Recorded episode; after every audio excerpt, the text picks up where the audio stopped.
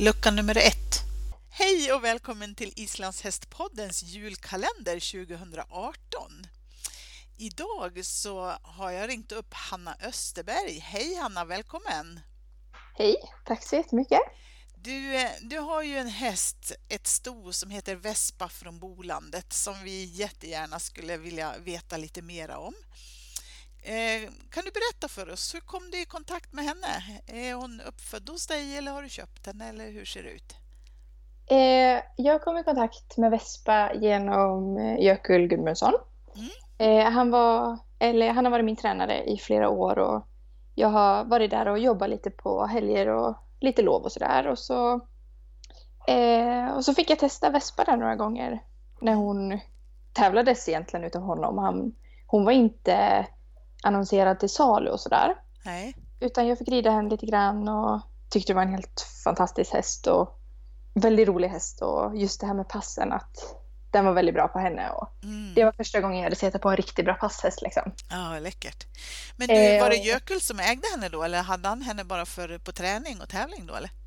Eh, ja, han hade bara henne på träning. Mm. Eh, hon ägdes av Anna Marklund. Mm. Eh, men Jökull hade visat henne och eh, tagit ett föl på henne och ja, men fick använda henne lite grann och mm. tävla henne och träna henne. Så att, eh, det var på så vis jag kom i kontakt med henne. Mm. Och när var det här? Eh, det här var 2014. Okej. Okay. Köpte du henne då också då eller kom det senare? Ja, precis. Eh, det, tog, det var först på sommaren där som jag träffade henne för första gången. Eh, och sen så tog jag med min pappa och lät henne se henne. Ja. Och eh, han blev också helt fast för Vespa. Ja. Så köpte mina föräldrar henne i oktober sen till mig. Okej, ja precis. Så det var helt fantastiskt. Ja, men du berätta, vad har ni gjort så här långt då? Eh, ja, vi, eh, vi har tävlat tillsammans sen, eh, sen det att jag köpte henne, sen 2015. Eh, och hittills har vi tagit eh, fyra stycken SM-guld och mm. Eh, ett silver. Och är det framförallt pass då eller? Ja, det är faktiskt bara pass. Okej, okay. det är inte så bara. jag tävlade henne fem gånger första säsongen. Mm. men hon är ju väldigt mycket passhäst. Mm. Så att det är ganska svårt att träna en, en häst som Vespa på att både kunna rida en femgångsgren mm. Samtidigt som att rida pass. För att det man märker att det hon vill göra är att springa pass. Mm. Eh, och jag tycker att när vi väl fokuserade fullt på pass så blev hon också bättre på det. Ja, just det. Eh, så att eh, vi valde att rida pass och det jag har tävlat är speedpass och 250. Eh, och sen så har jag även ridit lite stilpass på henne. Ja, just det. Mer för skojs skull. Men du, eh, du visade henne själv och avelsbedömde henne, eller hur? Ja, precis. När var det? Eh, det var nu sista bedömningen på Stenholmen som var i alltså. september. Ja, precis. Mm. Men du, hade du ändrat din träning någonting då mellan att träna henne för att tävla pass och träna henne för att uh, visa henne? Eh, nej. nej. Hon, eh, hon, vi deltog på Nordiska mästerskapen Mm. Eh, och efter det så fick hon vila i två veckor. Mm. Och sen så red jag henne bara en vecka och sen så var det visning. Ja, just det. Så att eh, hon kom egentligen direkt från passbanan och gräshagen. Ja, just det. Och det eh. var väl en bra uppladdning för henne? Vad jag förstår så fick hon 9-5 både för pass och spirit, va?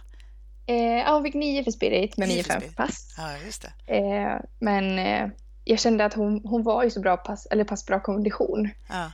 Eh, och hon, hon har alltid lätt liksom för gångarterna. Så att hon ja. är alltid ren i takten i tölten och har bra trav. Mm. Eh, så att jag kände att det var inte jätteviktigt att fokusera så mycket på, eh, på träning inför visning med henne. Nej. Utan det var lite mer bara, för jag ville ju höja passpoängen på henne. Så att eh, det var väl egentligen bara ut och visa min fantastiska passhäst. Ja, precis. och sen var det väldigt bra för mig att få visa en häst som jag känner så väl också. Ja. Var det första gången som du visade häst? Ja, det var första gången. Ja, fick du blodad tand?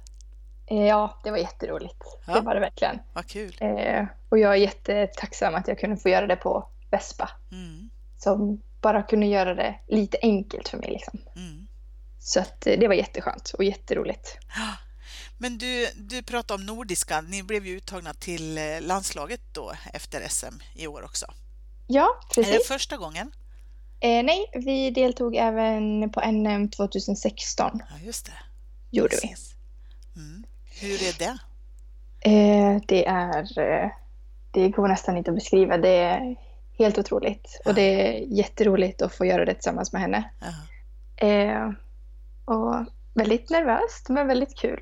Ja, precis. Hur gick det för dig och Vespa då på Nordiska?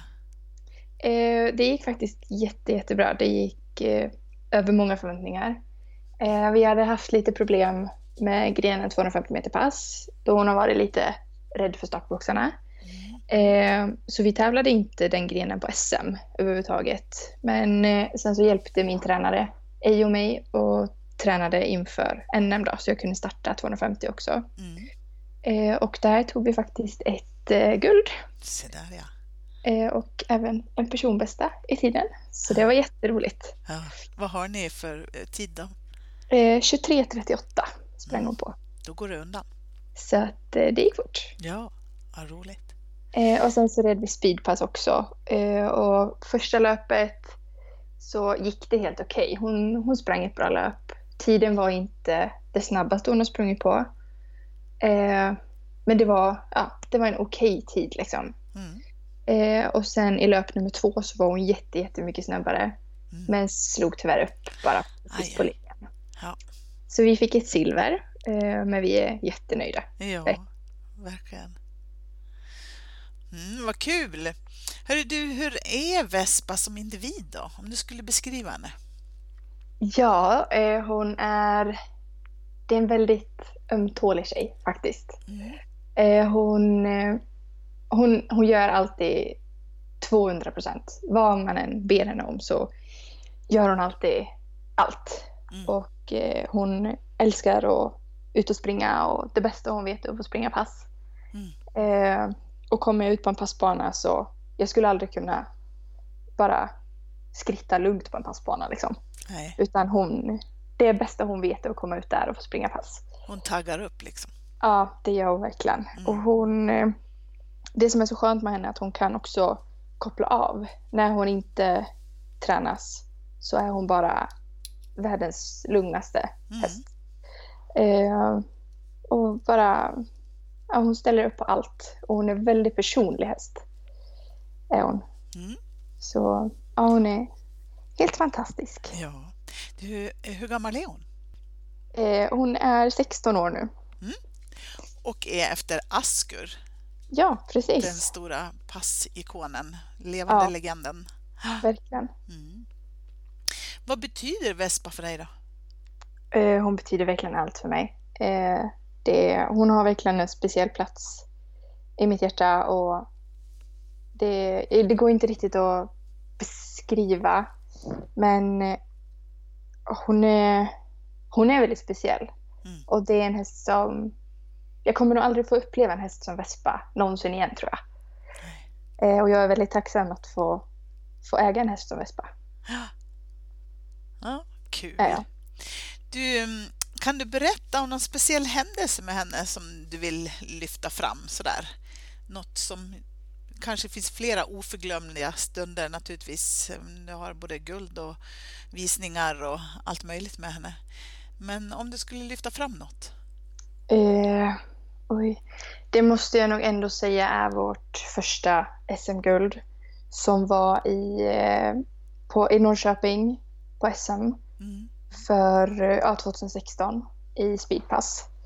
Där eh, vi var inte högst rankade överhuvudtaget egentligen. Vi hade legat två, tre under hela säsongen i speedpass. Mm. Eh, och sen så kommer vi ut på banan och hon, hon sprang verkligen som aldrig förr. Mm. Och så slog hon bara allihopa och satte bästa tiden som var gjord på hela säsongen i Young Rider-klass. Ja.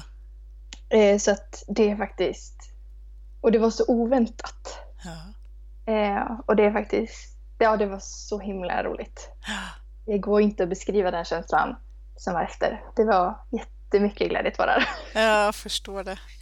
Och sen så var det väldigt roligt att rida den passsträcka jag gjorde när hon fick 9-5 för pass. Ja, det kan jag tro. Det, det var en riktigt bra sträcka.